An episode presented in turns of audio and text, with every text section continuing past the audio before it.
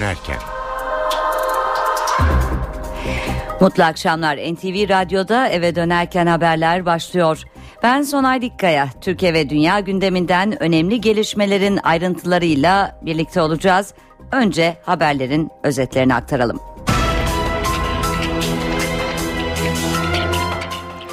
Türkiye sosyal paylaşım sitesi Twitter'a erişimin engellenmesini konuşuyor. 15 milyon kullanıcı dün geceden bu yana Twitter'a giremiyor. Devletin zirvesi yasağa rağmen tweet attı. Abdullah Gül sosyal platformların kapatılması tasvip edilemez. Erişimin topyekün engellenmesi zaten teknik olarak mümkün değil dedi. CHP lideri Kılıçdaroğlu da Türkiye'yi bir üçüncü dünya ülkesi haline getirmeye kimsenin hakkı olmadığını söyledi. Sivil toplum kuruluşları ve Avrupa'dan da yasağa tepki yağdı. Hükümet üyeleri ise sorunun Twitter'ın Türkiye'de bir temsilcilik açmasıyla çözülebileceği görüşünü dile getirdi. İmralı'dan mesaj geldi. Abdullah Öcalan'ın yazdığı mektup Diyarbakır'daki Nevruz kutlamasında okundu. Öcalan çözüm sürecinde yasal adımların bir an önce atılması gerektiğine dikkat çekti. Niğde'de 3 kişinin yaşamını yitirdiği saldırıdan sonra kaçan 3. eylemci de yakalandı. İçişleri Bakanı Efkan Ala, bağlantılar konusunda bazı tahminlerimiz var dedi. Saldırganların seçim mitinglerinde provokasyon amaçlı Türkiye'ye girdikleri iddia ediliyor. Birleşmiş Milletler raporuna göre Türkiye mültecilerin uğrak noktası. Türkiye geçen yıl 45 bin kişiyle en çok iltica başvurusu yapılan dördüncü Avrupa ülkesi oldu.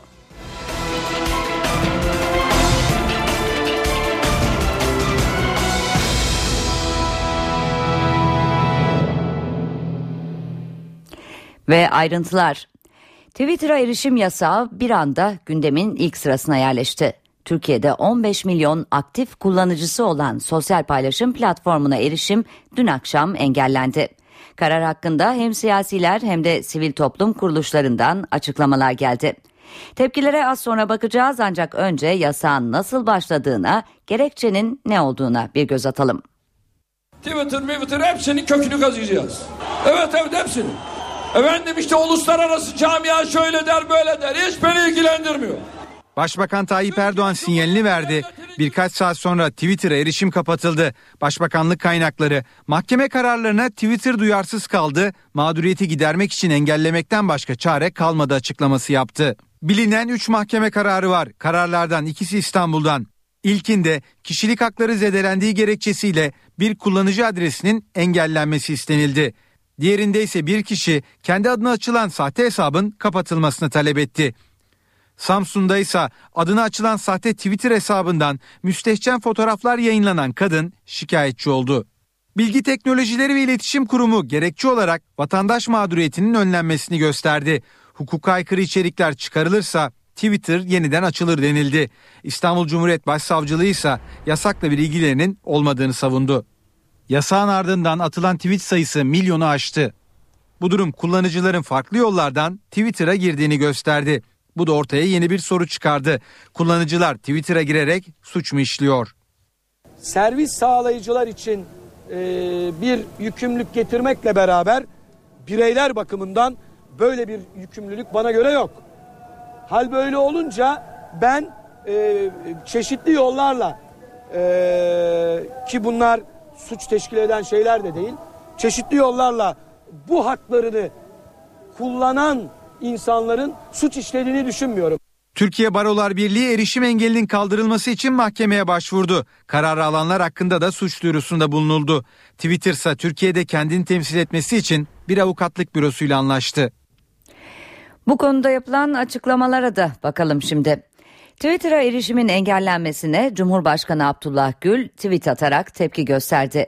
Gül, sosyal medya platformlarının tamamen kapatılması tasvip edilemez. Umarım bu uygulama uzun sürmez dedi. Cumhurbaşkanı iletişim teknolojilerinin bugün ulaştığı noktada Twitter gibi bütün dünyada kullanılan platformlara erişimin topyekün olarak engellenmesinin teknik olarak zaten mümkün olmadığını savundu. Gül, kişilerin özel hayatının gizliliğini ihlal gibi suç oluşturan hususların mahkeme kararıyla ve ancak sadece ilgili sayfaların kapatılabileceğine işaret etti.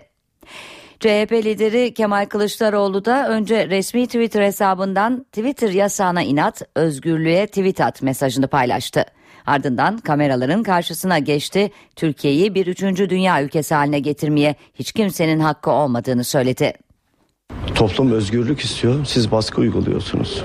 Toplum rahat konuşmak istiyor, siz yasak getiriyorsunuz. Hani Türkiye özgür bir ülke olacaktı? Hani yasaklardan arınacaktı Türkiye? Bundan Erdoğan niye korkuyor ki? Demek ki veremeyeceği hesabı var. Onun için korkuyor. Cesursa bu yasakları kaldırsın. İnsanlar rahatlıkla konuşsunlar, rahatlıkla düşüncelerini açıklasınlar. Düşünceyi yasaklarsanız ülkenin saygınlığını gerçekten yerle bir edersiniz. Biz uzun süre demokrasi ve özgürlük mücadelesi verdik. Şimdi bir yasaklar ülkesi haline geldi. Emin olun askerler bile bunu düşünmemişlerdi. Askeri dönemlerde bile bunlar olmadı. Halkın oyuyla seçilmiş bir siyasal parti bu ülkeye demo, e, demokrasi getireceğine yasak getiriyor. Özgürlük getireceğine yasak getiriyor. Türkiye bir yasaklar ülkesi olmamalı. Dünyaya rezil oluruz biz. Türkiye'yi bir üçüncü dünya ülkesi konumuna getirmek e, Türkiye'ye yapılmış en büyük haksızlıktır. Ulaştırma Bakanı Lütfü Elvansa bu siyasi bir karar değil Twitter'a erişimin engellenmesi mahkeme kararı dedi. Twitter'da yer alan bazı yasa dışı içeriğin çıkarılması Twitter'dan istenmiştir. Ancak Twitter mahkeme kararlarını tanımamıştır. Erişimin engellenmesi mahkemelerce alınmış bir karardır. Siyasi bir karar değildir. Bugün Türkiye'de binlerce insanın özel yaşamı ihlal edilmekte ve insanlar hakarete uğramaktadır. Söz konusu internet sitesi Türk mahkemelerinin kararlarına uyarak hukuka aykırı içerikleri çıkardığı takdirde tedbir amaçlı uygulanan erişimin engellenmesine son verileceği Telekomünikasyon İletişim Başkanlığı tarafından ifade edilmiştir. Hükümet sözcüsü Bülent Arınç ve Başbakanın siyasi baş danışmanı Yalçın Akdoğan da Twitter'ın engellenmesinin bir yasaklama olmadığının altını çizdi. İnternete erişim engellenmedi. İnternet yasaklanmadı.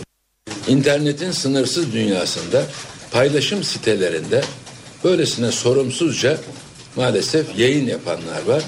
İnsanları lekeleyen, insanları kötüleyen, insanların ahlakını veya da karakterini, kimliğini rezil eden şeyler olunca şüphesiz dünyadaki bütün mahkemelerde, bütün kurallarda bunun engellenmesini bir hukuk olarak takip ediyorlar. Dolayısıyla kimse endişelenmesin. Sadece mahkeme kararlarını uygulamayan Twitter'ın merkezine karşı bir süreci tip başlatmış durumda.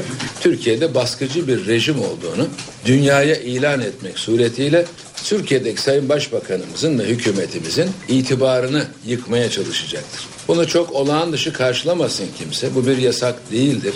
Yasaklama değildir. Sadece kişilerin müracaatı üzerine yargının aldığı kararların uygulanmasına yöneliktir. Bunu bir kere kapatma, yasaklama diye algılamak doğru değil. Bu bir engelleme. Twitter kişi haklarına dönük bu saldırılara göz yummaktadır. Bilim Sanayi ve Teknoloji Bakanı Fikri Işık'tan az önce gelen bir açıklamayı da aktaralım. Işık Twitter yetkilileriyle görüşmeler devam ediyor. Bir mutabakat oluşursa erişim açılacak. Daha önce bunu YouTube'da yaşadık. Şimdi de benzer bir durumla karşı karşıyayız ama sorun çözülüyor dedi. Bakan Işık Twitter Türkiye'de bir temsilcilik açarsa sorun ortadan kalkacak diye de konuştu. Twitter'a erişimin engellenmesiyle ilgili TÜSİAD'dan da açıklama geldi. Kararın temelsiz korkuların göstergesi olduğu öne sürüldü. Açıklamada orantısız ve özgürlüklere aykırı bu tür yasaklamaların temelsiz korkuların göstergesi olduğu ve demokrasiye hizmet etmediği açıktır. Gerçek demokrasinin ancak halkın daha fazla bilgiye özgürce ulaşması ve ifade özgürlüğünün teminat altına alınmasıyla mümkün olabileceğini hatırlatmak isteriz ifadelerine yer verildi. Twitter'a erişimin engellenmesi Amerika Birleşik Devletleri ve Avrupa Birliği'nin de tepkisini çekti. Kapatılma kararı dış basında da geniş yankı buldu. Avrupa Birliği kurumları Twitter'ın kapatılmasına tepkili. Avrupa Komisyonu genişlemeden sorumlu üyesi Stefan Füle, Twitter'ın kapatılmasından ciddi şekilde endişe duyduklarını söyledi. Füle bu durumun Türkiye'nin Avrupa normlarına yönelik taahhütleri konusunda derin şüphelere yol açtığını vurguladı. Avrupa Parlamentosu Başkanı Martin Schulz'dan da kınama geldi. Schulz, Başbakan Erdoğan'ın doğrudan kontrol edemediği tüm medyaya karşı kampanya yürütüyor görüntüsü verdiğini savundu. Beş dilde ifade özgürlüğünün sağlanması çağrısında bulundu. Avrupa Parlamentosu Türkiye raportörü Ria Omnen Reuten de Türkiye geri adım attı. İşleyen bir demokraside sosyal medya üzerinde blokaj kabul edilemez dedi. Avrupa Konseyi yetkilileri de Twitter'ın tamamen yasaklanmasının Avrupa İnsan Hakları Sözleşmesi'nin ifade özgürlüğü ilkesine aykırı olduğunu vurguladı. Amerika Birleşik Devletleri de kapatılma kararına tepkili. Dışişleri Bakanlığı sözcüsü sosyal medya sitelerinin kapatılmasına yönelik herhangi bir ihtimalden büyük kaygı duymaktayız ifadesini kullandı. Sözcü, bağımsız medya demokratik toplumların temel unsurudur dedi. İngiltere ve Almanya'dan da Twitter'ın engellenmesinden endişe duyuyoruz açıklaması geldi. Twitter'ın kapatılması dünya basınında da geniş yankı buldu. Washington Post gazetesi Türkiye yasakladı ama Twitter'da patlama yaşandı başlığıyla haberi duyurdu. Gazete Cumhurbaşkanı Abdullah Gül dahil birçok siyasetçinin yasağa rağmen tweet attığına dikkat çekti. İtalya'da yayınlanan La Repubblica gazetesi ise Cumhurbaşkanı Abdullah Gül'ün Twitter'ın kapatılmasını kabul edilemez olarak nitelediğine dikkat çekerek Türkiye'de devletin zirvesinde Twitter yasağı çatışması yaşandığı iddiasına yer verdi. Şimdi kısa bir reklam arası veriyoruz. Eve dönerken devam ediyor. Reklamların ardından yeniden birlikteyiz. Eve dönerken haberler bir son dakika gelişmesiyle devam ediyor. İstanbul 13. Ağır Ceza Mahkemesi Ergenekon davasının gerekçeli kararının yazımını tamamladı. Mahkeme 7000 sayfadan oluşan kararın redakte işleminde en kısa sürede bitirileceğini duyurdu. Evet bu son dakika gelişmesinin ardından diğer haberlerle devam edelim.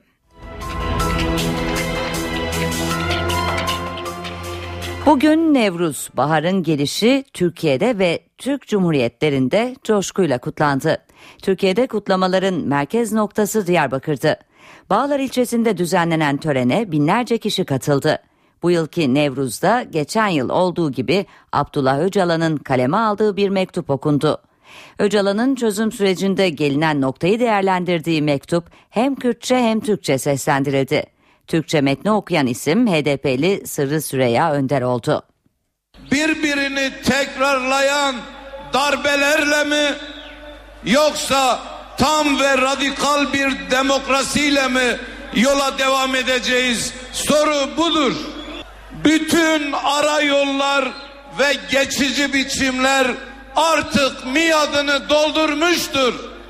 Şu ana kadar yürütülen bir diyalog süreciydi ve önemliydi.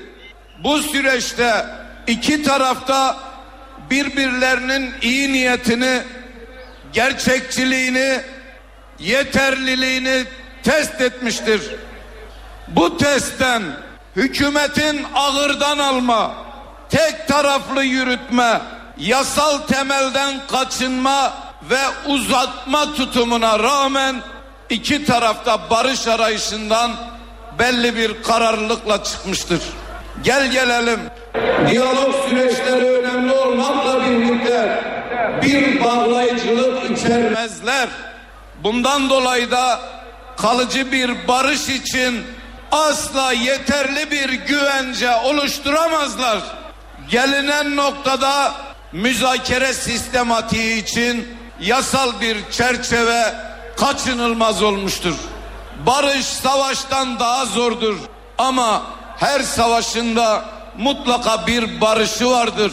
Biz direnirken korkmadık, barışırken de korkmayacağız.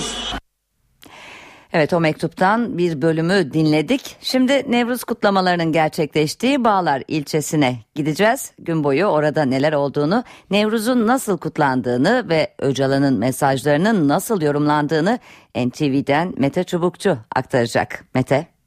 Bir yıl aradan sonra merak edilen Nevruz e, bugün Diyarbakır'da e, tamamlandı. Hatırlanacağı gibi geçen yıl e, çok önemli bir mektup yayınlanmıştı. Abdullah Öcalan silahlara veda edildiğini ve artık siyaset dönemine geçildiğini e, açıklamıştı. E, ondan sonra e, bilindiği gibi PKK'nın bir kısmı sınır dışına çekilmişti. Bu arada akil insanlar heyeti, heyetleri Anadolu'yu dolaşmıştı. Demokratikleşme süreci ya demokrasi demokratikleşme paketi hayata geçmişti ve 17 kez BDP ya da HDP'li isimler, temsilciler İmralı Adası'nı ziyaret etmişlerdi. İşte bugün ikinci yılında o mektuptan sonra bir yıl sonra e, nasıl bir tavır alınacağı e, merak e, ediliyordu.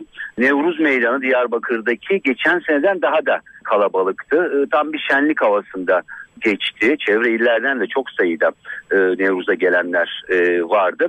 Ve e, Abdullah Öcalan'ın mektubunu Sırı Önder ve Pervin Buldan okudu. Pervin Buldan Kürtçe, Sırı Önder Türkçe e, şeklinde e, okudu ve e, mektubun e, çok özetinde başlık olarak belki sürece devam e, ama çeşitli adımlarında atılması zorunlu mesajı e, çıktı e, diyebiliriz. E, başlıklar halinde devam edecek olursak Abdullah Öcalan özellikle kararlı bir barış önderliği gösterilmezse kayıplar e, devam eder dedi. E, bir şekilde kendisinin bu sürecin arkasında olduğunu ama karşısında da bir liderin olması gerektiği imasında e, bulundum. Önümüzde birbirini tekrarlayan darbelerle mi yoksa radikal demokrasiyle mi yürüyeceğiz mesajını e, verdi. Özellikle 17 Aralık'tan sonra Türkiye'deki siyasi çalkantının barış sürecinin siyasi çalkantının dışında e, tutulması ve bu sürece e, ya bu süreç tarafından heba edilmemesi gerektiğinin satır aralarında mesajı e, söz konusuydu. E, şu ana kadar diyalog süreci önemliydi. İki taraf birbirini test etti.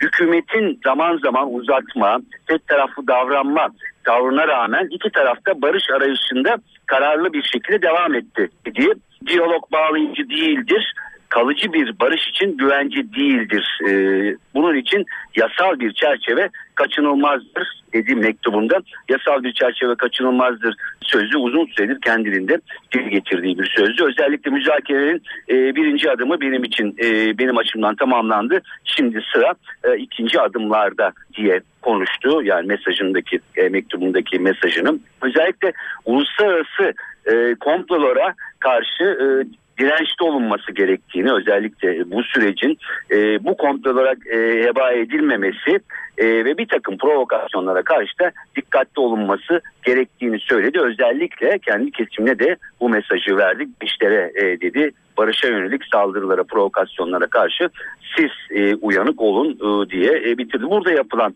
e, yorumlar e, evet e, sürecin e, devam edeceği, evet dilden KÇK'dan bir takım açıklamalar gelse bile e, Öcalan'ın süreci devam ettirdiğini ama yeni adımları e, beklediğinin de e, altı çizildi yapılan yorumlarda.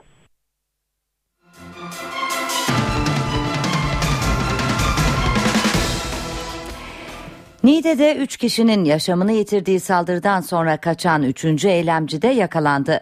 Zanlı 50 dolara ekmek alınca yakayı ele verdi. Yürütülen soruşturma ile ilgili bilgi veren İçişleri Bakanı Efkan Ala, bağlantılar konusunda bazı tahminlerimiz var dedi. Saldırganların seçim mitinglerinde provokasyon amaçlı Türkiye'ye girdikleri iddia ediliyor. Bugün sabahta saat 8 sularında birisi sağ olarak ele geçirildi. Yaralanma yok. Hatay'dan kiraladıkları bir taksiyle e, İstanbul istikametine doğru giderken yakalandılar. Niğde'de 3 kişinin yaşamını yitirdiği saldırının 3. faili de yakalandı. Saldırgan, olayın yaşandığı Ulukışla ilçesine bağlı Köşkönü köyünde yakalandı. Köydeki seyyar satıcıdan aldığı ekmek karşılığında 50 dolar para veren zanlıdan şüphelenen köylüler saldırganı alıkoyarak jandarmaya haber verdi. Namaza vardım camının kapısının ağzında buldum. Ama kim olduğunu bilmiyorum ben. Oturmuş ayakkabılar çıkarıyor. Selam verdim. Selam aldı. Sorgusu başlayan saldırganın anlattıklarıyla önemli detaylara ulaşıldı. İkisi Arnavutluk uyruklu, birisi Kosova doğumlu. Tahminlerimiz var. Bazı ön e, değerlendirme yapabilecek kadar bilgimiz var ama sonuç üretecek kadar henüz elimizde bilgi yok. İlk edinilen bilgilere göre 3 saldırgan Hatay sınırına yakın Atmehe bölgesinden Türkiye'ye giriş yaptı. Hataylı bir tercüman aracılığıyla bir taksi şoförüyle anlaşarak İstanbul'a gitmek üzere yola çıktı. Saldırganların EKD ile bağlantılı Irak Şam İslam Devleti örgütü militanlarından olduğu ve Avrupa ülkelerinden El-Kaide için savaşmak üzere Suriye'ye gittikleri belirtiliyor. Saldırganların Esad rejimiyle işbirliği içinde Nevruz ve seçim mitinglerinde provokasyon amaçlı Türkiye'ye girdikleri iddiası üzerinde duruluyor. Saldırganları İstanbul'a götürmek için Hatay'dan yola çıkan taksi şoförünün jandarmadaki sorgusu sürüyor. Niğde'de yaralı yakalanan iki saldırganın tedavisi de sevk edildikleri Ankara'da devam ediyor. Afyon'daki mühimmat deposundaki patlama ile ilgili davada mahkemeye ulaşan raporda plastik patlayıcı izine ulaşılması sabotaj şüphesini gündeme getirmişti. Bu tespitle ilgili Genelkurmay Başkanlığı'ndan açıklama geldi. TSK plastik patlayıcı ham maddesi mühimmat depolarında bulunması olan maddelerden biridir dedi. Açıklamada depoda bulunan PET maddesinin aslında birçok mühimmatın ateşleyicisi olarak kullanıldığı belirtildi. Afyon'da Eylül 2011'de meydana gelen patlamada 25 asker şehit olmuştu. Mersin'de 10 kişinin yaşamını yitirdiği dünkü tren kazasının ardından olayın meydana geldiği Hemzemin geçitteki bariyer görevlisi tutuklandı. Akdeniz ilçesinde kazanın ardından görgü tanıkları trenin geçişi sırasında bariyerlerin indirilmediğini iddia etmişti. Devlet Demiryolları ise minibüs sürücüsünün hemzemin geçitteki görevliye rağmen geçide kontrolsüz girdiğini açıklamıştı. Kazanın ardından başlatılan soruşturmada olayda ihmali bulunduğu iddiasıyla bariyer görevlisi Erkan Kılıç tutuklandı. İfadelerine başvurulan iki makinist ise serbest bırakıldı.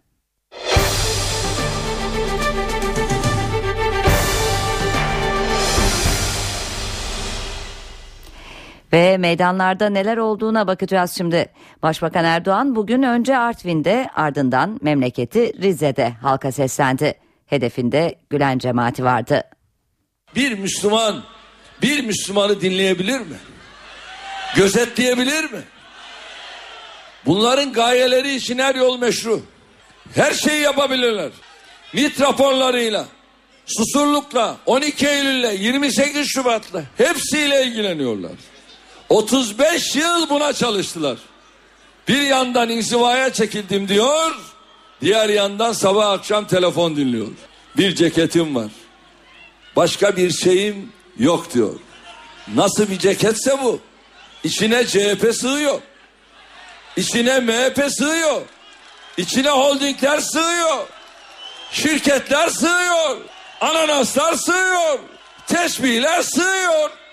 Rafineriler, türlü türlü fitneler sığıyor. Mavi Marmara şehitleri için otoriteden izin almalıydılar dedi. Peki senin buradaki şirketlerin otoriteler niye izin almıyorlar? Otorite onlara müsaade etmeyince niye rahatsız oldunuz? Şimdi hani buradan partisini kursun diyorlar da ya niye parti kursunuz ki? Bu kadar kelepir partiler varken kendisi niye parti kursun? İşi taşerona vermiş. Hiç başı ağrmaz. Onun yerine zaten Kılıçdaroğlu, Bahçeli çalışıyor. Niye parti kursun? CHP lideri Kemal Kılıçdaroğlu Gaziantep'te konuştu. Halkın çıkarlarını korumak namus borcumuzdur diyen CHP lideri temiz siyaset vurgusu yaptı. Cumhuriyet Halk Partisi iktidarında sizden istediğimiz tek şey var. Tek şey var. Ahlaklı çalışma, istihdam yaratma. Çalıştırdığınız her işçi için size minnettarız biz. Hiçbir yurttaşımı ayırmadım. Ve hep şunu söyledim. Benim için yandaş yok, benim için vatandaş var. Her vatandaşıma inandım. Her vatandaşıma güvendim. Bu ülkede Cumhuriyet Halk Partisi olduğu sürece ülkenin ve halkın çıkarlarını korumak bizim namus borcumuzdur. Biz bunu yapacağız. Halktan yana politika izleyeceğiz. Halkın çıkarlarını savunacağız. Bunun için mücadele ediyoruz. Bu mücadelede benimle beraber var mısınız? Var mısınız?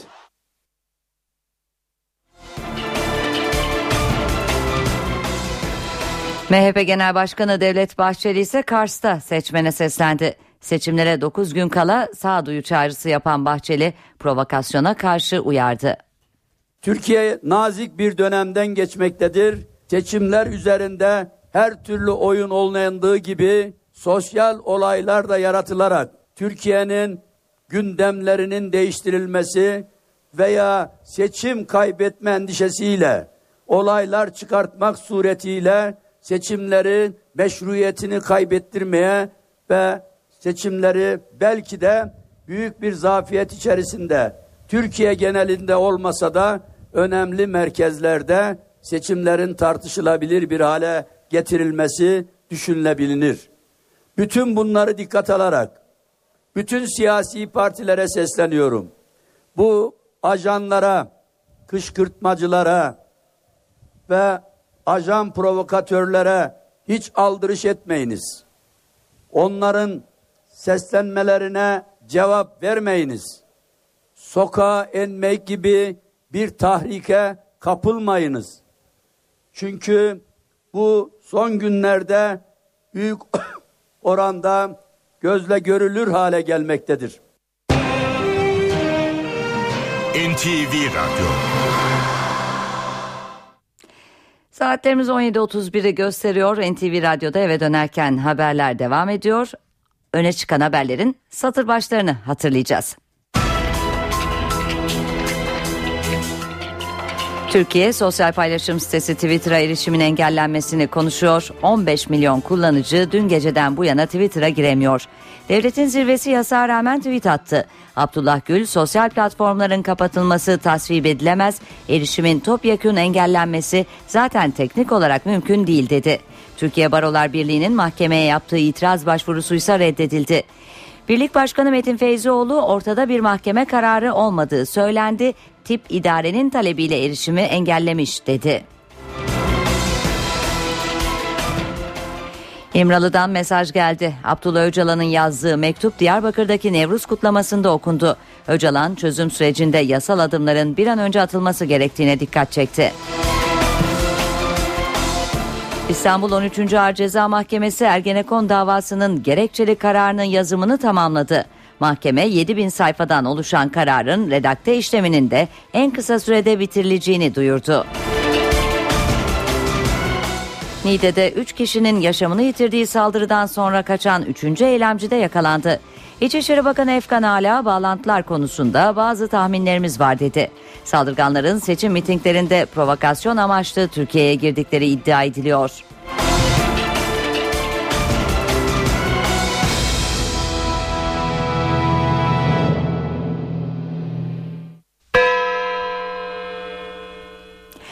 Para ve sermaye piyasalarındaki işlemlere bakalım. Borsa İstanbul şu sıralarda 64.834 seviyesinde. Serbest piyasada dolar 2 lira 23 kuruş, euro 3.08'den işlem görüyor.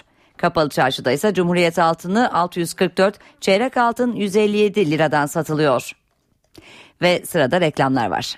Eve dönerken devam ediyor. NTV Radyo'da eve dönerken haberler spor bülteniyle devam edecek. Sözü NTV Radyo Spor Servisinden Volkan Küçük'e bırakıyoruz.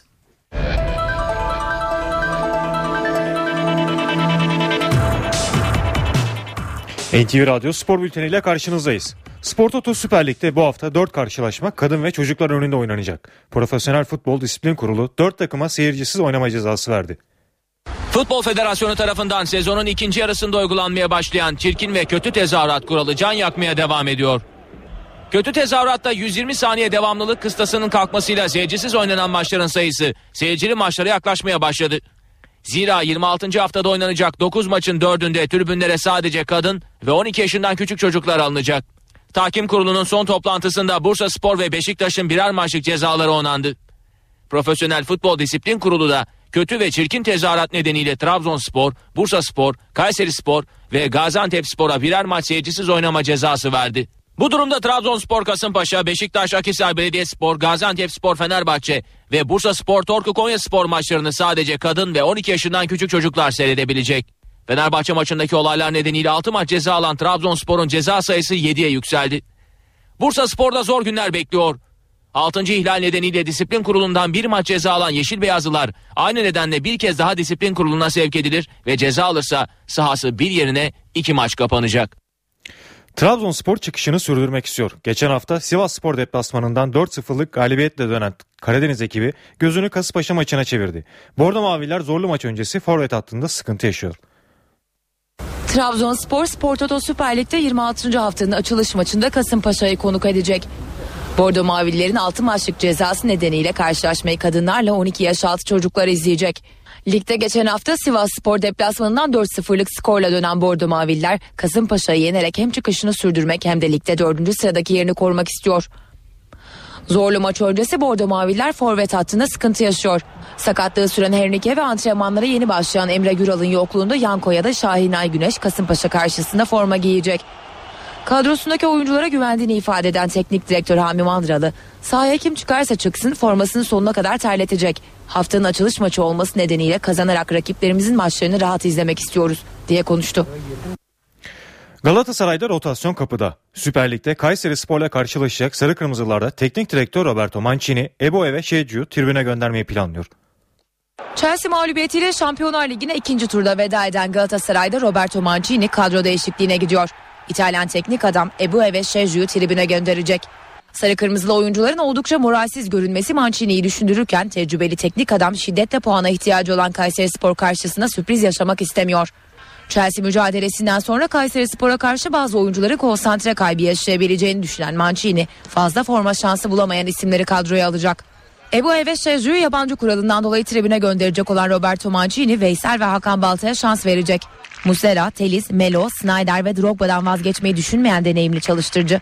Hayrovic ve Ontivero'dan birini performansına göre kadroya ekleyecek. Burak Yılmaz konusunda henüz kararını vermeyen Mancini son haftalarda moralsiz görünen golcü futbolcuyu dinlendirebilir. Umut Bulut'un performansından memnun olan tecrübeli teknik direktör bu durumda hücum hattında da değişikliğe gidecek. Beşiktaş'ta teknik direktör Slaven Bilic sistem değişikliğine gitmeye hazırlanıyor. Beşiktaş'ta sakatlığı nedeniyle sahalardan bir ay uzak kalacak Gökhan Tören'in yokluğu teknik direktör Slaven Bilic'i farklı arayışlara yönlendirdi. Sezon başından bu yana Gökhan'ı hücum hattının sağ kanadında görevlendiren Bilic, Olcay'ı sol kanatta, Almeida'yı ise tek forvet olarak sahaya sürdü. Gökhan'ın Akisar Belediyespor karşısında oynayamayacak olması nedeniyle antrenmanlarda Oğuzhan'ı orta sahanın sağında deneyen Bilic, genç oyuncudan bu pozisyonda istediği performansı alamadı. Hırvat çalıştırıcı ayrıca Gökhan'ın alternatifi olarak Holosko'yu da sağ kanatta sahaya sürebilir. Hırvat teknik adamın aklındaki diğer bir konu ise Mustafa Pekteme'ye ilk 11'de yer verebilmek. Çaykur Rizespor maçında attığı iki golle göz dolduran Mustafa'ya Almeida'nın sakatlığının tamamen düzelmesi nedeniyle yeniden yedek kulübesine yolu gözüktü. Ancak Bilic Akisar Belediyespor maçında iki forvetinde sahaya sürebileceği bir çözüm arayışına girdi.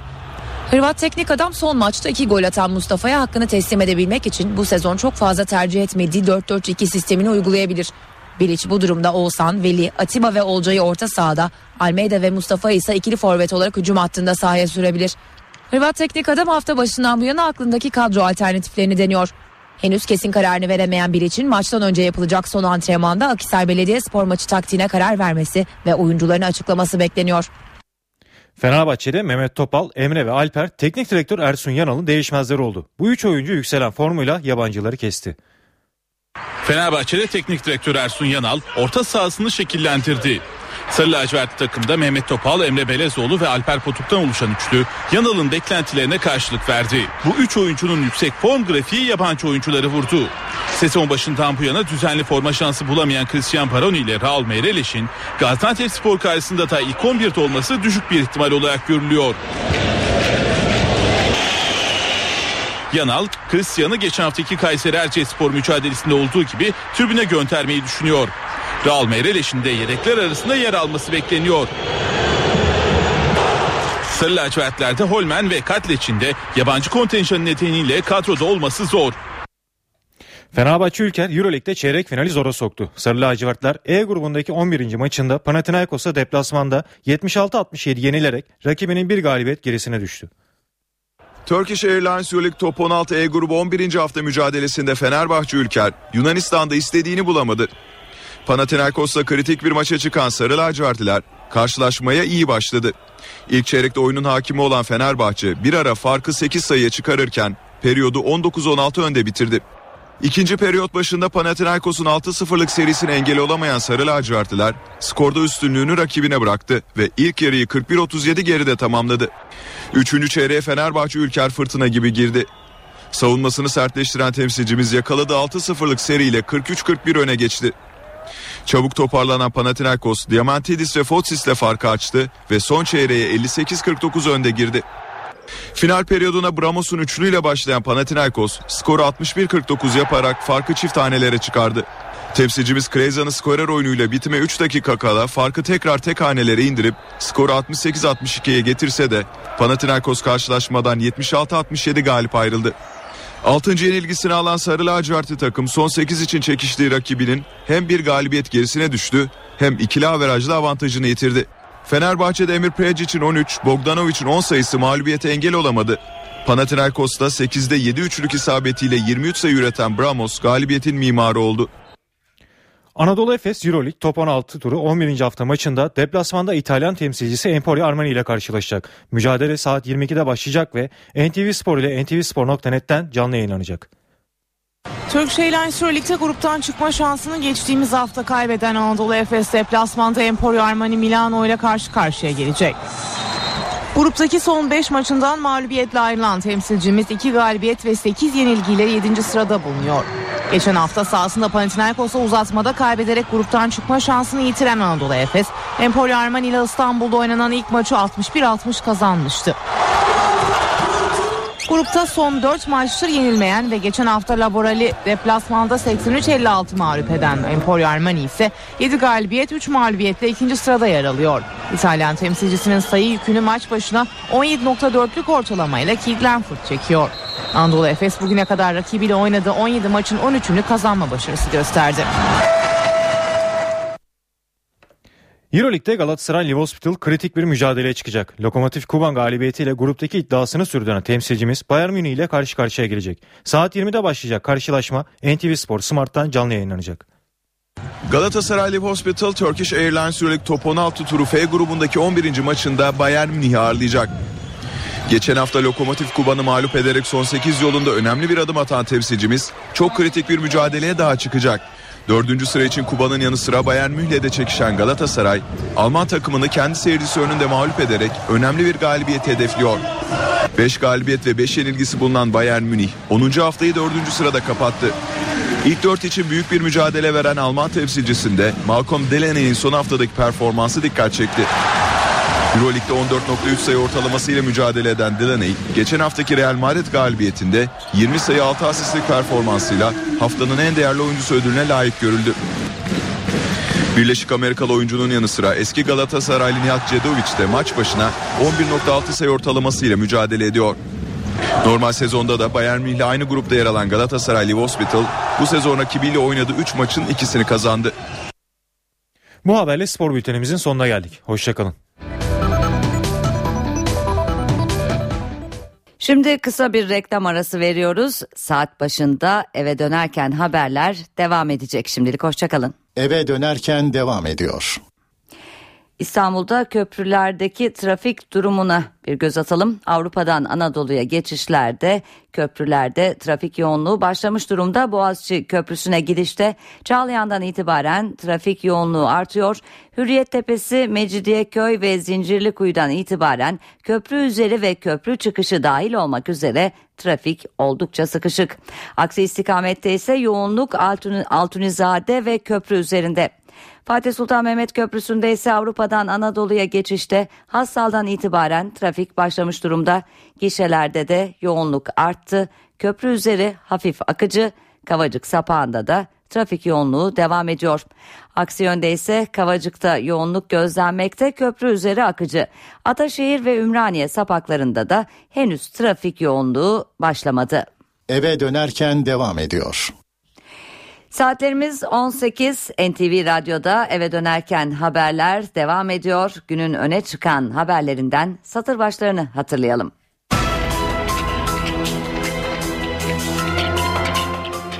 Türkiye sosyal paylaşım sitesi Twitter'a erişimin engellenmesini konuşuyor. 15 milyon kullanıcı dün geceden bu yana Twitter'a giremiyor. Devletin zirvesi yasağa rağmen tweet attı. Abdullah Gül, sosyal platformların, platformların kapatılması tasvip edilemez, erişimin topyekün engellenmesi zaten teknik olarak mümkün değil dedi. Türkiye Barolar Birliği'nin mahkemeye yaptığı itiraz başvurusuysa reddedildi. Birlik Başkanı Metin Feyzioğlu ortada bir mahkeme kararı olmadığını söylendi. Tip idarenin talebiyle erişimi engellemiş dedi. İmralı'dan mesaj geldi. Abdullah Öcalan'ın yazdığı mektup Diyarbakır'daki Nevruz kutlamasında okundu. Öcalan çözüm sürecinde yasal adımların bir an önce atılması gerektiğine dikkat çekti. İstanbul 13. Ağır Ceza Mahkemesi Ergenekon davasının gerekçeli kararının yazımını tamamladı. Mahkeme 7000 sayfadan oluşan kararın redakte işleminin de en kısa sürede bitirileceğini duyurdu. Niğde'de 3 kişinin yaşamını yitirdiği saldırıdan sonra kaçan 3. eylemci de yakalandı. İçişleri Bakanı Efkan Ala, bağlantılar konusunda bazı tahminlerimiz var dedi. Saldırganların seçim mitinglerinde provokasyon amaçlı Türkiye'ye girdikleri iddia ediliyor. Birleşmiş Milletler raporuna göre Türkiye mültecilerin uğrak noktası. Türkiye geçen yıl 45 bin kişiyle en çok iltica başvurusu yapılan dördüncü Avrupa ülkesi oldu.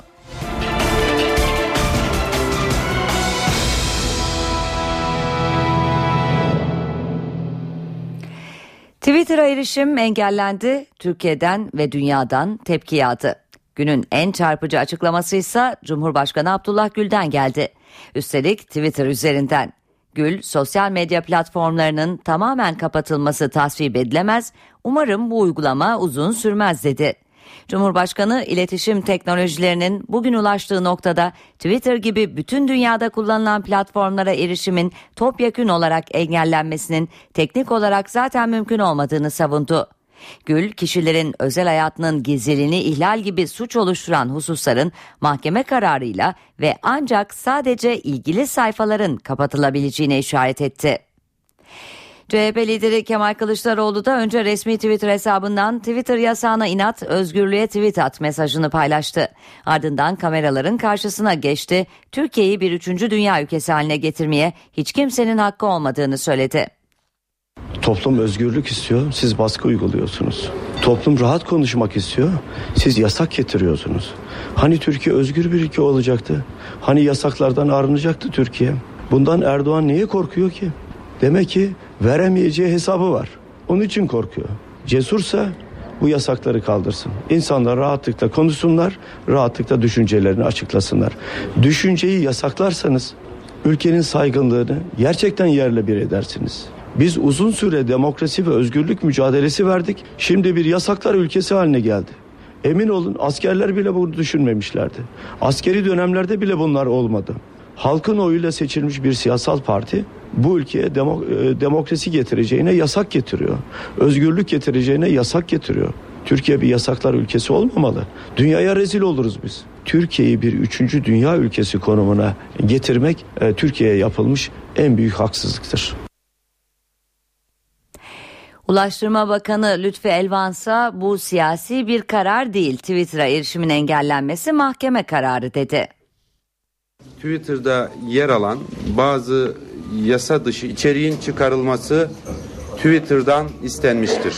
Ancak Twitter mahkeme kararlarını tanımamıştır. Erişimin engellenmesi mahkemelerce alınmış bir karardır. Siyasi bir karar değildir. Bugün Türkiye'de binlerce insanın özel yaşamı ihlal edilmekte ve insanlar hakarete uğramaktadır. Söz konusu internet sitesi Türk mahkemelerinin kararlarına uyarak hukuka aykırı içerikleri çıkardığı takdirde tedbir amaçlı uygulanan erişimin engellenmesine son verileceği Telekomünikasyon İletişim Başkanlığı tarafından ifade edilmiştir. Hükümet sözcüsü Bülent Arınç ve Başbakanın siyasi baş danışmanı Yalçın Akdoğan da Twitter'ın engellenmesinin bir yasaklama olmadığının altını çizdi. İnternete erişim engellenmedi. İnternet yasaklanmadı. İnternetin sınırsız dünyasında paylaşım sitelerinde böylesine sorumsuzca maalesef yayın yapanlar var. İnsanları lekeleyen, insanları kötüleyen, insanların ahlakını veya da karakterini, kimliğini rezil eden şeyler olunca şüphesiz dünyadaki bütün mahkemelerde, bütün kurallarda bunun engellenmesini bir hukuk olarak takip ediyorlar. Dolayısıyla kimse endişelenmesin. Sadece mahkeme kararlarını uygulamayan Twitter'ın merkezine karşı bir süreci tip başlatmış durumda. Türkiye'de baskıcı bir rejim olduğunu dünyaya ilan etmek suretiyle Türkiye'deki Sayın Başbakanımızın ve hükümetimizin itibarını yıkmaya çalışacaktır. Bunu çok olağan dışı karşılamasın kimse. Bu bir yasak değildir. Yasaklama değildir. Sadece kişilerin müracaatı üzerine yargının aldığı kararların uygulanmasına yöneliktir. Bunu bir kere kapatma, yasaklama diye algılamak doğru değil. Bu bir engelleme. Twitter kişi haklarına dönük bu saldırılara göz yummaktadır. Bilim Sanayi ve Teknoloji Bakanı Fikri Işık'tan gelen açıklamayı da aktaralım. Işık, Twitter yetkilileriyle görüşmeler devam ediyor. Bir mutabakat oluşursa erişim açılacak. Daha önce bunu YouTube'da yaşadık. Şimdi de benzer bir durumla karşı karşıyayız. Ama sorun çözülüyor dedi. Bakan Işık, Twitter Türkiye'de bir temsilcilik açarsa sorun ortadan kalkacak diye de konuştu. Türkiye Barolar Birliği bugün Twitter'a erişimin engellenmesiyle ilgili olarak mahkemeye itirazda bulunmuştu.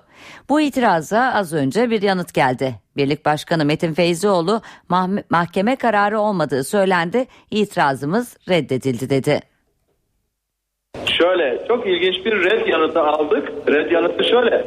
İstanbul Cumhuriyet Başsavcılığı'nın iddia edildiği gibi, tip sitesinde iddia edildiği gibi bir kısıtlama kararı yoktur dedi mahkeme. Dolayısıyla olmayan bir kararı kaldıramam diye bizim talebimizi e, reddetti. Burada tip başkanlığı e, web sitesinde e, İstanbul terörle mücadeleden sorumlu e, savcılığın filanca kararıyla e, kısıtladım diye bir yazı var. Biz e, müracaatımız yaptık. Suç Ceza Mahkemesi savcılığa sordu ve resmen böyle bir kararın olmadığı bilgisi üstüne demek ki dedi benim kaldırabileceğim bir karar yok ortada. Çünkü e, bu yapılan hiç karara dayanmıyor. E o zaman ne oluyor? O zaman tip başkanlığı web sitesinde ben İstanbul Başsavcılığı'nın talimatı üzerine e, bu e, Twitter'ı kapattım demesine rağmen gerçeği ifade etmiş olmuyor. Yani hiçbir yargı kararına dayanmadığı ortaya çıkıyor. Özet kapatma konusunda e, iddia edildiğinin aksine yargı kararı olmadığı doğrudan doğruya başbakanlığa bağlı olan TİB'in kendi kendine Twitter'ı kapattığı anlaşılıyor. Şu anda tip başkanlığının başkanının özel kalemine dilekçeyle başvuruyoruz. Faksla. Diyoruz ki yargı kararı olmaksızın Twitter'ı kapattığınız anlaşılıyor. Suç işliyorsunuz. Biz de bunu biliyoruz. Derhal bu faksımızı dile, dilekçe e, faksla yolladığımız dilekçeyi aldığınız anda Twitter'daki yasağı kaldırmalısınız. Suç işliyorsunuz diye uyarıda bulunuyoruz. Twitter erişimin engellenmesine Avrupa Birliği'nin tüm kurumlarından tepki geldi. Yayınlanan mesajlarda kaygı ve endişe ifadeleri kullanıldı. Ayrıntıları bize NTV temsilcisi Güldener Sonumut aktaracak. Evet Güldener seni dinleyelim. Tonay Twitter'ın kapanma, kapanması özellikle zamanlama açısından oldukça ilginç oldu. Çünkü Brüksel'de AB üye 28 ülkenin devlet ve hükümet başkanının buluştuğu bir anda oldu. Ee, senin de ifade ettiğin üzere Avrupa Birliği kurumlarından çok sayıda tepki geldi. İlk tepki dün akşam geç saatlerde Avrupa Komisyonu'nun bilişimden sorumlu üyesi Nelly Kroes tarafından geldi. Bunun haksız bir e, ve yersiz bir korkudan kaynaklanan bir karar olduğunu ve bunun Avrupa Birliği tarafından kabul edilemez bir karar olduğunu söyledi. Avrupa Komisyonu'nun genişlemeden sorumlu üyesi Stefan Füle de Avrupa Birliği içerisinde hem iletişim hem de iletişim yöntemleri konusunda özgürlüklerin bulunduğunu, Türkiye'nin bu kararı da Avrupa Birliği'nin temel hak ve özgürlükleri tamamen çelişen bir karar olduğunu söyledi. Avrupa Parlamentosu Başkanı Martin Schulz ki e, aynı zamanda Avrupa Parlamentosu'ndaki seçimlerde aday, AB kurumlarına aday bir e, önemli şahsiyet. Türkiye'nin almış olduğu bu kararın kabul edilemez bir karar olduğunu, Türkiye'nin aday ülke sıfatıyla mutlaka temel hak ve özgürlükler ifade özgürlüğüne e, olumsuz yönde etkileyen bu kararın gözden geçirmesi gerektiğini e, söyledi. Aynı şekilde Avrupa Birliği Türkiye Karma Parlamento Komisyonu eş başkanı Helen Flotr olsun, ve Türkiye raportörü Riya olsun. Aynı şekilde Türkiye'nin bu kararının AB içerisinde kabul edilecek bir karar olmadığını, çok büyük tepkileri neden olduğunu ve saydamlık ve demokrasi adına mutlaka bu kararın bir an önce gözden geçirilmesi gerektiğini söyledi. Zirvede özellikle liderlerin resmi bir açıklaması olmadı ancak kulislerde özellikle bu unsur tartışıldı. Gerek Alman gerekse Fransız, İngiliz, İtalyan e, liderler tarafından ve bu konunun kısa bir süre içerisinde mutlaka e, gözden geçirilmesi gerektiğinin de altı çizildi Sonay. Şimdi kısa bir reklam arası veriyoruz. Ardından yeniden birlikte olacağız. Eve dönerken devam ediyor. Gelişmelerin ayrıntılarıyla eve dönerken haberler devam ediyor. Nevruz Diyarbakır'da coşkuyla kutlandı. Bağlar ilçesinde düzenlenen kutlamaya binlerce kişi katıldı. Abdullah Öcalan'ın İmralı'dan gönderdiği çözüm süreciyle ilgili mektubu da milletvekilleri Pervin Buldan'la Sırrı Süreyya Önder okudu. Öcalan diyalog sürecinin başarıyla tamamlandığını, yasal adımların atılması gerektiğini belirtti. Müzakere sistematiği için yasal bir çerçeve kaçınılmaz olmuştur. Direnirken korkmadık, barışırken de korkmayacağız.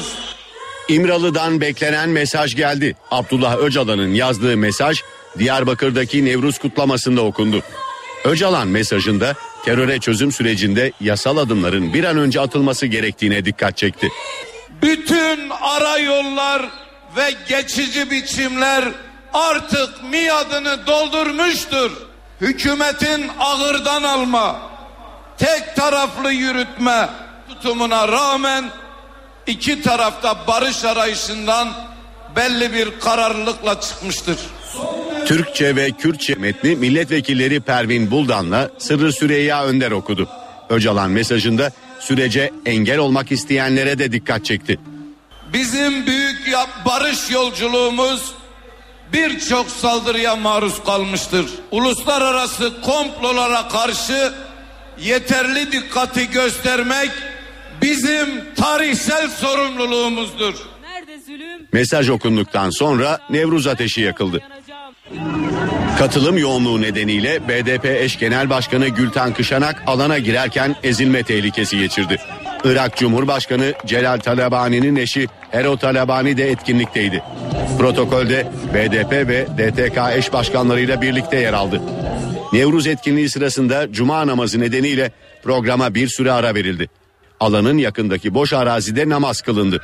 Nevruz kutlamaları çeşitli müzik gruplarının konserleriyle sona erdi. İstanbul 13. Ağır Ceza Mahkemesi Ergenekon davasının gerekçeli kararının yazımını tamamladı. Mahkeme 7000 sayfadan oluşan kararın redakte işleminin de en kısa sürede bitirileceğini duyurdu. Yasal sürenin son gününde gerekçeli kararın yazıldığının açıklanmasının ardından dava ile ilgili Yargıtay'daki temyiz süreci başlayacak. Karar redakte işlemi bittikten sonra Yargıtay'a gönderilecek. Yargıtay Cumhuriyet Başsavcılığında yapılacak incelemenin ardından hazırlanacak tebliğname davaya bakacak Yargıtay 9. Ceza Dairesi'ne iletilecek. Dairede bir süre yapılacak incelemenin ardından duruşma günü verilerek dava görülmeye başlanacak.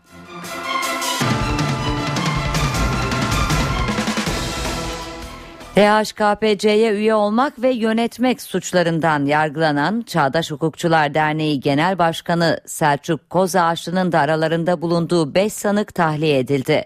İstanbul 18. Ağır Ceza Mahkemesi sanıkların üzerlerine atılı suçun niteliği delil karartma ihtimalinin bulunmamasını karara gerekçe olarak gösterdi.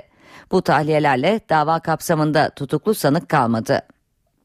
Niğde'de 3 kişinin yaşamını yitirdiği saldırıdan sonra kaçan 3. eylemci de yakalandı. Zanlı 50 dolara ekmek alınca yakayı ele verdi.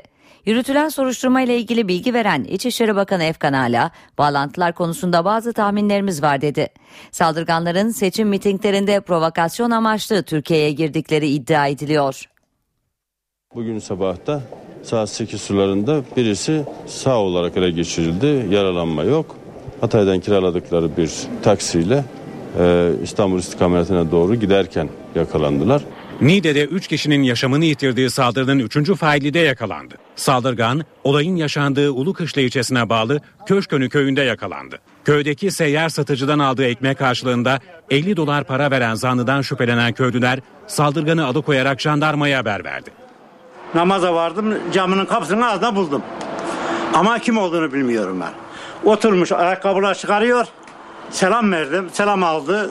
Sorgusu başlayan saldırganın anlattıklarıyla önemli detaylara ulaşıldı. İkisi Arnavutluk uyruklu, birisi Kosova doğumlu. Tahminlerimiz var. Bazı ön e, değerlendirme yapabilecek kadar bilgimiz var ama sonuç üretecek kadar henüz elimizde bilgi yok. İlk edinilen bilgilere göre 3 saldırgan Hatay sınırına yakın Atmehe bölgesinden Türkiye'ye giriş yaptı.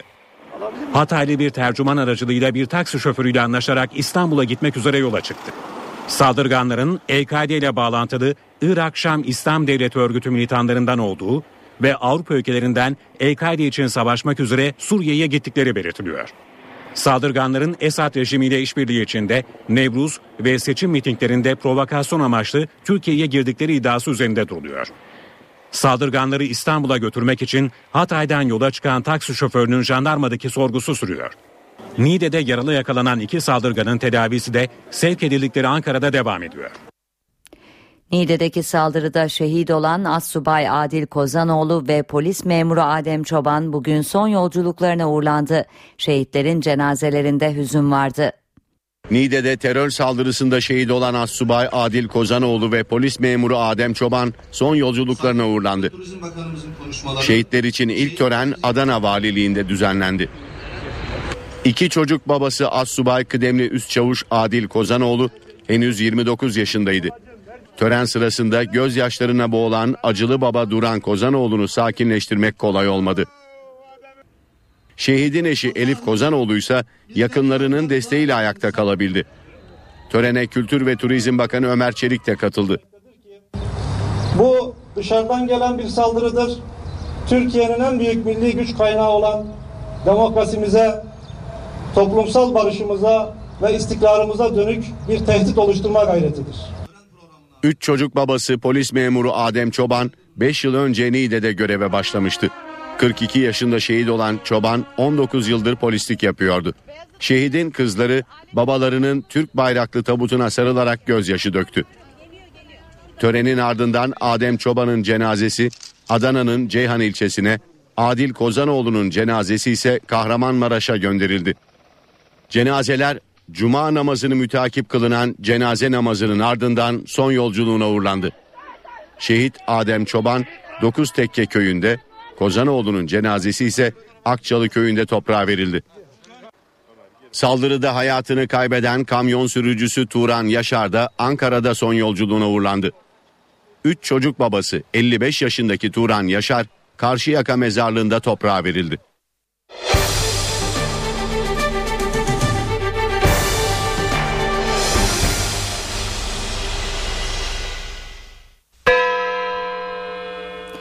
Sırada piyasalardaki son durum var. Borsa İstanbul günü 64.727 puandan tamamladı. Serbest piyasada dolar 2 lira 23 kuruş, euro ise 3.08'den işlem gördü Türk lirası karşısında. Kapalı çarşıda Cumhuriyet altın 643 çeyrek altın 157 liradan satıldı.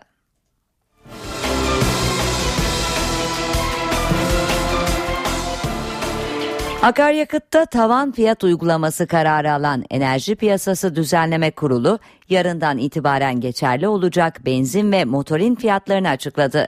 EPDK yarın gece saat 12'den itibaren geçerli olmak üzere İstanbul için tüm benzinlerin pompa satış fiyatı üst sınırı litrede 5 lira 4 kuruş, tüm motorinlerin pompa satış fiyatı üst sınırı ise litrede 4 lira 40 kuruş lira olarak belirlendi.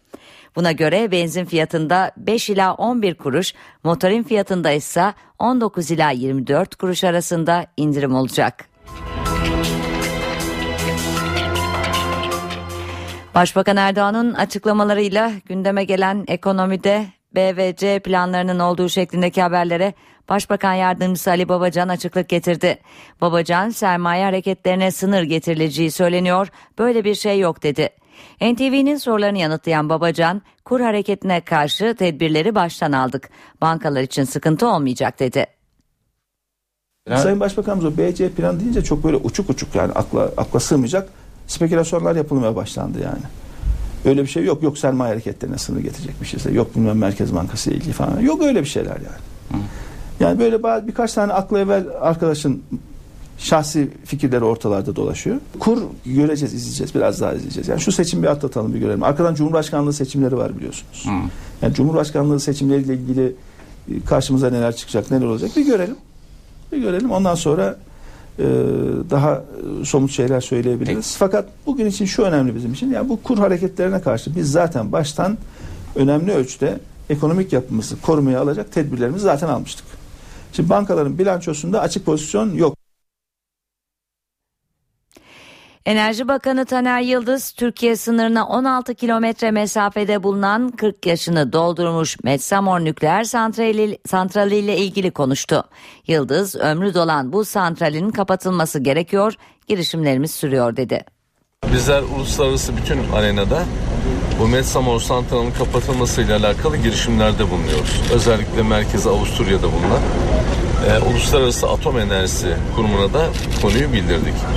1980 yılında devreye giren bir santralın özellikle o tür e, nesillerin 30 yıllık ömrü var. Yani bu ömrünü doldurdu bu santral. Ve hemen kapatılması lazım. Iğdır'ın merkezine değil mi başkanım? 31 kilometre, sınıra 16 kilometrelik bir santraldan bahsediyoruz. Yani Iğdır'ın hemen yanı başında kurulu bir santraldan bahsediyoruz. Ben İstanbul, Taksim'de özellikle eylem yapan arkadaşlarımıza birazcık da Iğdır'da, Iğdır'a gelip Vessamor'la alakalı e, yapacakları eylemi genişletmelerini tavsiye ederim. NTV Radyo'da eve dönerken haberlere devam ediyoruz. Öne çıkan haberlerin satır başlarını hatırlayalım.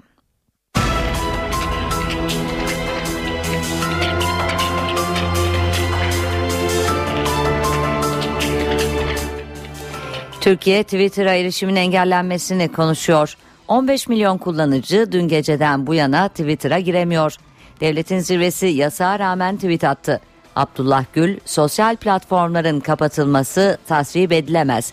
Erişimin topyekün engellenmesi zaten teknik olarak mümkün değil dedi.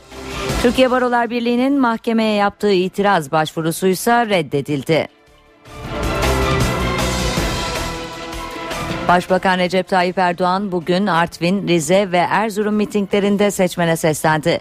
Başbakan Fethullah Gülen'in memleketi Erzurum'dan cemaate yönelik sert eleştirilerde bulundu.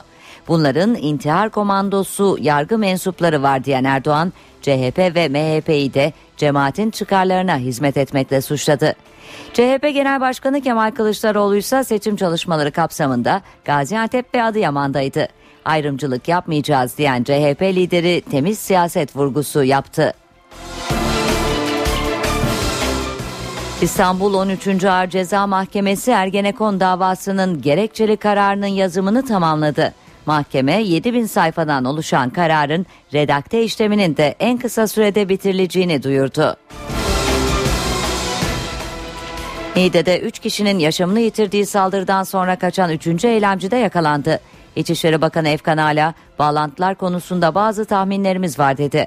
Saldırganların seçim mitinglerinde provokasyon amaçlı Türkiye'ye girdikleri iddia ediliyor. Tiyatro sanatçısı Kenan Işık hastaneye kaldırıldı. Spor yaparken düşen Işık ameliyata alındı.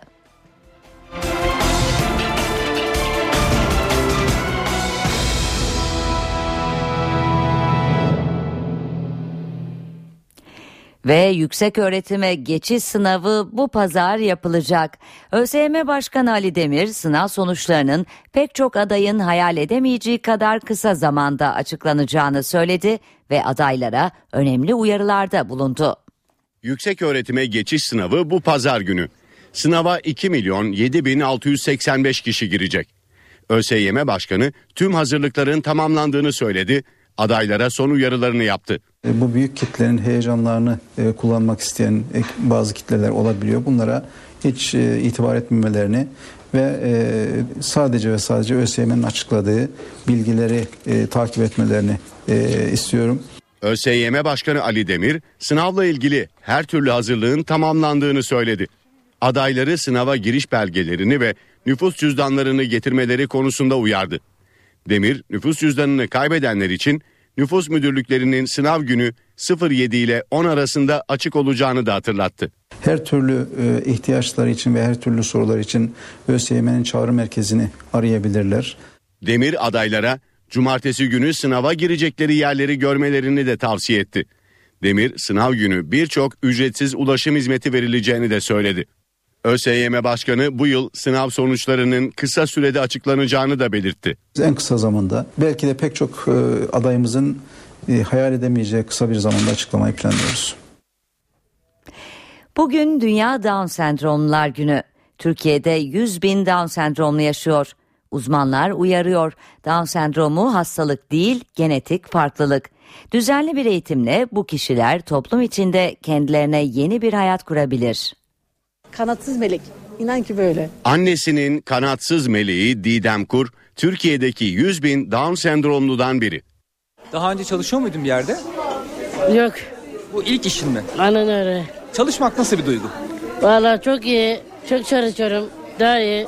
Didem Şişli'deki Down Cafe'de garsonluk yaparak hayatını kazanıyor. Didem diğer Down sendromlu arkadaşlarına göre daha şanslı. Çünkü çoğunun aksine onun bir işi var. İş arıyorum şu an. Ne yapmak istersin? Neler yapmak istiyorsun? Mutfakta çalışmak istiyorum. Her 800 doğumda bir görülen Down sendromu aslında hastalık değil, genetik farklılık. Ancak bebeklerin gelişim sürecinde sağlık sorunları yaşandığı için kontrollerin yapılması çok önemli. Mükemmel bir güzellik. o anlatılmaz bile.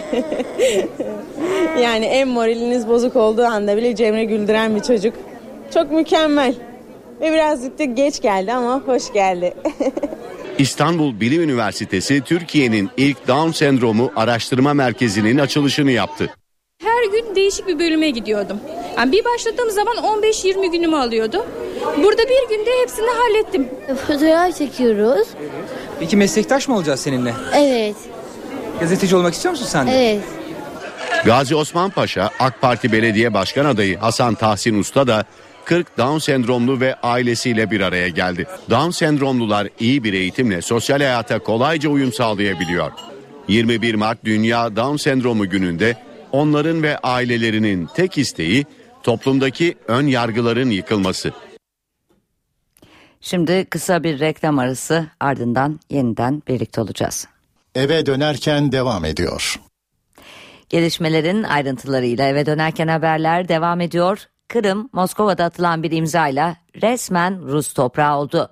Batılı ülkelerin yaptırım tehditlerini aldırmayan Rusya Devlet Başkanı Vladimir Putin, Kırım'ın Rusya'ya katılmasını sağlayan belgeyi imzaladı.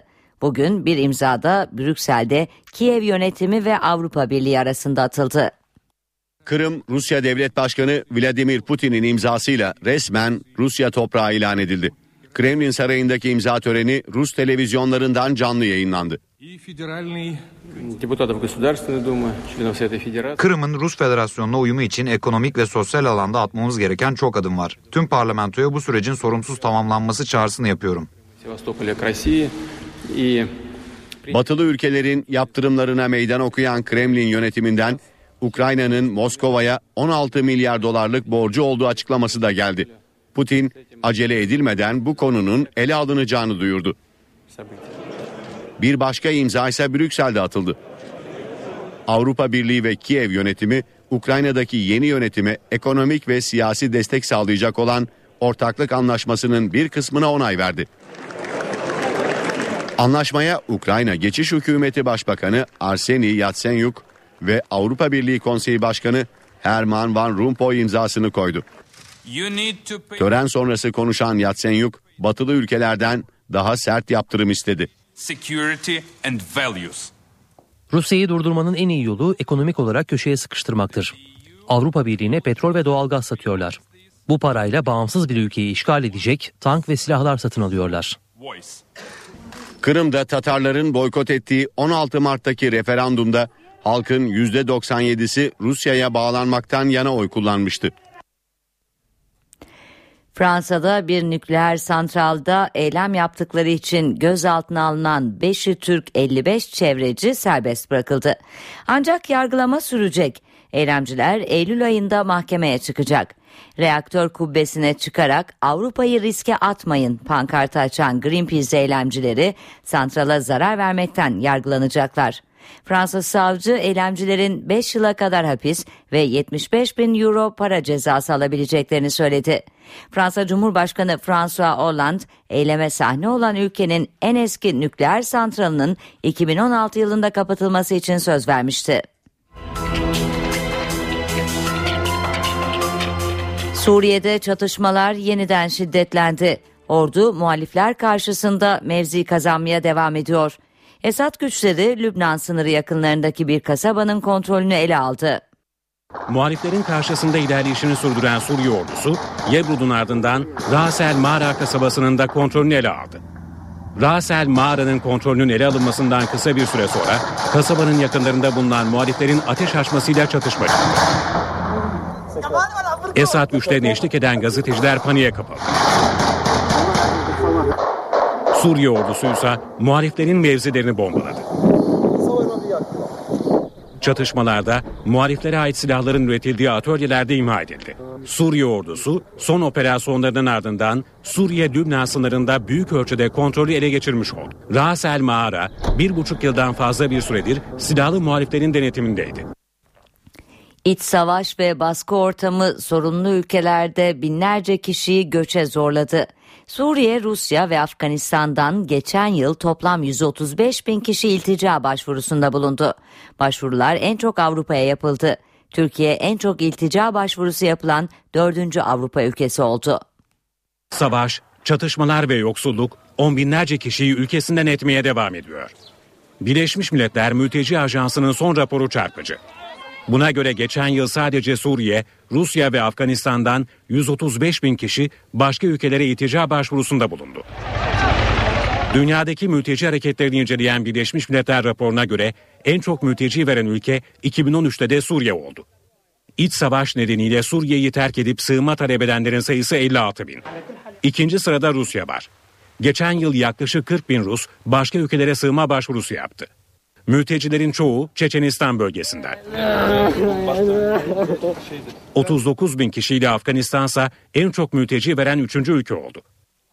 Afganistan'ı Irak ve Sırbistan takip ediyor. Mülteciler genellikle Avrupa ülkelerine sığınıyor. En çok talep Almanya, Fransa ve İsveç'e. Türkiye'de mültecilerin uğrak noktası. Türkiye geçen yıl 45 bin kişiyle en çok iltica başvurusu yapılan dördüncü Avrupa ülkesi konumunda. Venezuela'da sokak olaylarına destek vermekle suçlanan bazı isimlerin tutuklanması yönetim karşıtı gösterilerde tansiyonu daha da artırdı. Başkent Caracas'ta hükümeti despotlukla suçlayan muhalifler polisle çatıştı. Venezuela'da hükümet karşıtı protestolar şiddet olaylarına sahne oldu.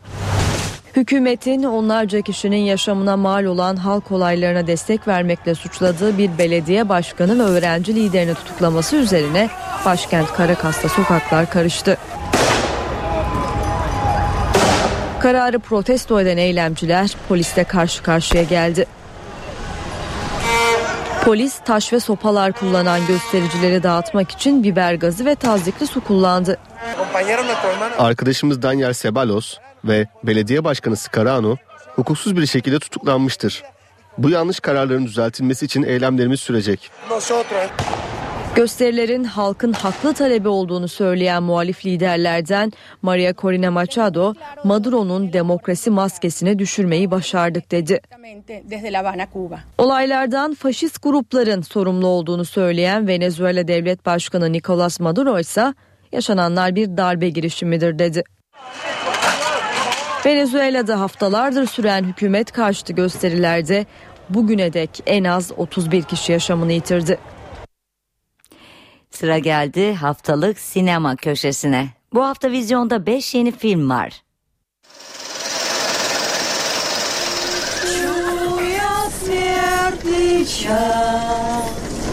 Bu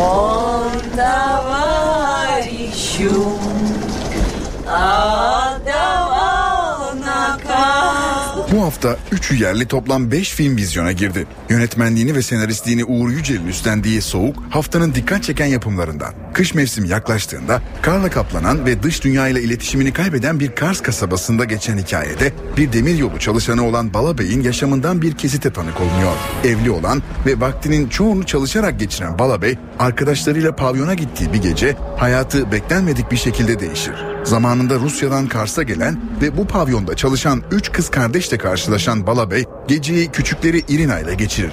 Bala Bey bu gece boyunca Irina ile arasında kesin bir mesafe koyacak olsa da duygusal olarak Irina'nın etkisinden kurtulamaz. Filmin oyuncu kadrosunda ise Cenk Ali Beyoğlu, Rıfat Şungar, Şebnem Bozoklu ve Ezgi Mola gibi isimler yer alıyor.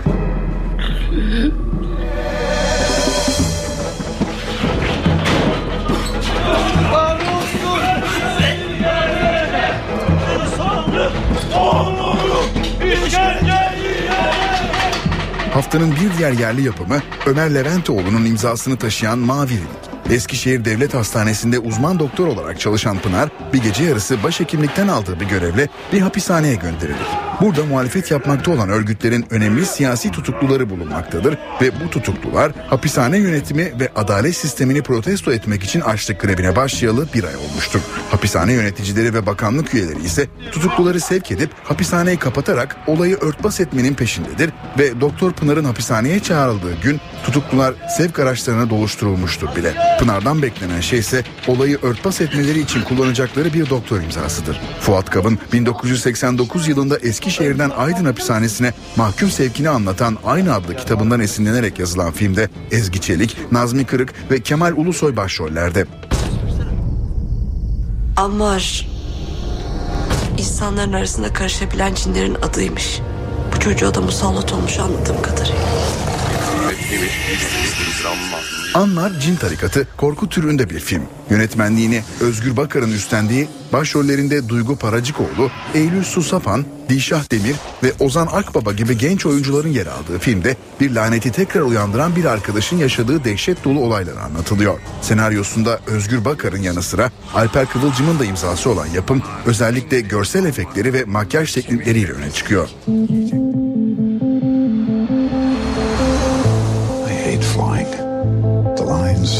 Crowds, the delays. I always kind of liked it. Six hours, one seat, nobody can get to you. Ladies and gentlemen, welcome aboard our non-stop service from New York to London. Sırada aksiyon türünde bir film Liam Neeson'ın başrolünü üstlendiği Non-Stop var. Kimin suçlu, kimin masum olduğunun film içinde belirsizliğe karıştığı filmde Neeson hava kuvvetlerinden emekli bir askeri canlandırıyor. Artık hava polisi olarak çalışan Bill Marks her 20 dakikada bir içinde bulunduğu uçaktaki birisini öldürmekle tehdit eden esrarengiz bir suçluyu yakalamaya çalışır. Liam Neeson'a filmde Julianne Moore ve Scott McNair eşlik ediyor. Mr. President, we are at a point in this war that is the most dangerous to the greatest historical achievements known to man. Haftanın öne çıkan filmlerinden biri olan Hazine Avcıları vizyona girdi. Başarılı aktör ve yapımcı George Clooney'in yönetmenliğini üstlendiği film 2. Dünya Savaşı döneminde geçiyor. Bir grup tarihçi ve sanat uzmanının bir araya gelmesiyle oluşan bir ekibin Naziler tarafından ele geçirilen ve her an yok olma tehlikesiyle karşı karşıya olan önemli sanat eserlerini kurtarmaya çalışmasını anlatan filmin başrollerinde Matt Damon, George Clooney ve Kate Blanchett yer alıyor. Askerlikle herhangi bir ilişkisi olmayan, ortak noktaları sanata değer vermeleri olan 7 insanın Nazi hırsızlarının çaldığı değerli eserleri sahiplerine ulaştırma çabalarının anlatıldığı film, 2. Dünya Savaşı'na farklı bir perspektiften bakıyor. Why would you do that? You all been spending too much time together. Yeniden reklamlara gidelim. Saat başında tekrar birlikte olacağız. Eve dönerken devam ediyor. Saatlerimiz 19'u gösteriyor. Eve dönerken haberlerde günün öne çıkan başlıklarını aktaracağız.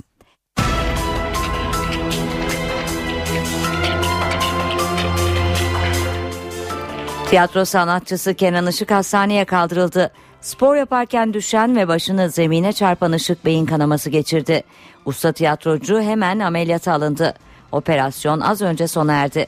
Hastaneden yapılan açıklamada yoğun bakıma alınan Kenan Işık'ın hayati tehlikesinin devam ettiği ifade edildi. Sosyal paylaşım sitesi Twitter'a erişimin engellenmesine Cumhurbaşkanı Abdullah Gül tweet atarak tepki gösterdi. Gül, sosyal platformların tamamen kapatılması tasvip edilemez dedi. Ulaştırma Bakanı Lütfü Elvan, erişimin engellenmesi siyasi bir karar değil dedi. Sivil toplum kuruluşları ve Avrupa yasağa tepki gösterdi. Başbakan Erdoğan bugün Artvin, Rize ve Erzurum mitinglerinde seçmene seslendi. Başbakan Fethullah Gülen'in memleketi Erzurum'dan cemaate yönelik sert eleştirilerde bulundu. Bunların intihar komandosu yargı mensupları var diyen Erdoğan, CHP ve MHP'yi de cemaatin çıkarlarına hizmet etmekle suçladı. CHP Genel Başkanı Kemal Kılıçdaroğlu da bugün Gaziantep ve Adıyaman'daydı. Kılıçdaroğlu ülkenin ve halkın çıkarlarını korumak namus borcumuz dedi. Temiz siyaset vurgusu da yapan CHP lideri hiçbir yurttaşımı ayırmadım benim için yandaş yok vatandaş var ifadesini kullandı. MHP Genel Başkanı Devlet Bahçeli de Kars ve Iğdır'da seçmenle buluştu. Sağduyu çağrısı yapan MHP lideri provokasyona karşı da uyardı. Nevruz kutlamaları Diyarbakır'da yapıldı. Milletvekilleri Pervin Buldan'la Sırrı Süreyya Önder, Abdullah Öcalan'ın gönderdiği mektubu okudu. Öcalan'ın mesajında diyalog sürecinin başarıyla tamamlandığı, yasal adımların atılması gerektiği belirtildi. İstanbul 13. Ağır Ceza Mahkemesi Ergenekon davasının gerekçeli kararının yazımını tamamladı. Mahkeme 7000 sayfadan oluşan kararın redakte işleminin de en kısa sürede bitirileceğini duyurdu. Kayseri'nin Sarıoğlan ilçesinde defini aradığı iddia edilen 3 kişiden ikisi göçük altında kaldı. Bir kişiyi bir kişi yaralı kurtarıldı. Üniversite öğrencisi iki kardeşi arama çalışması sürüyor.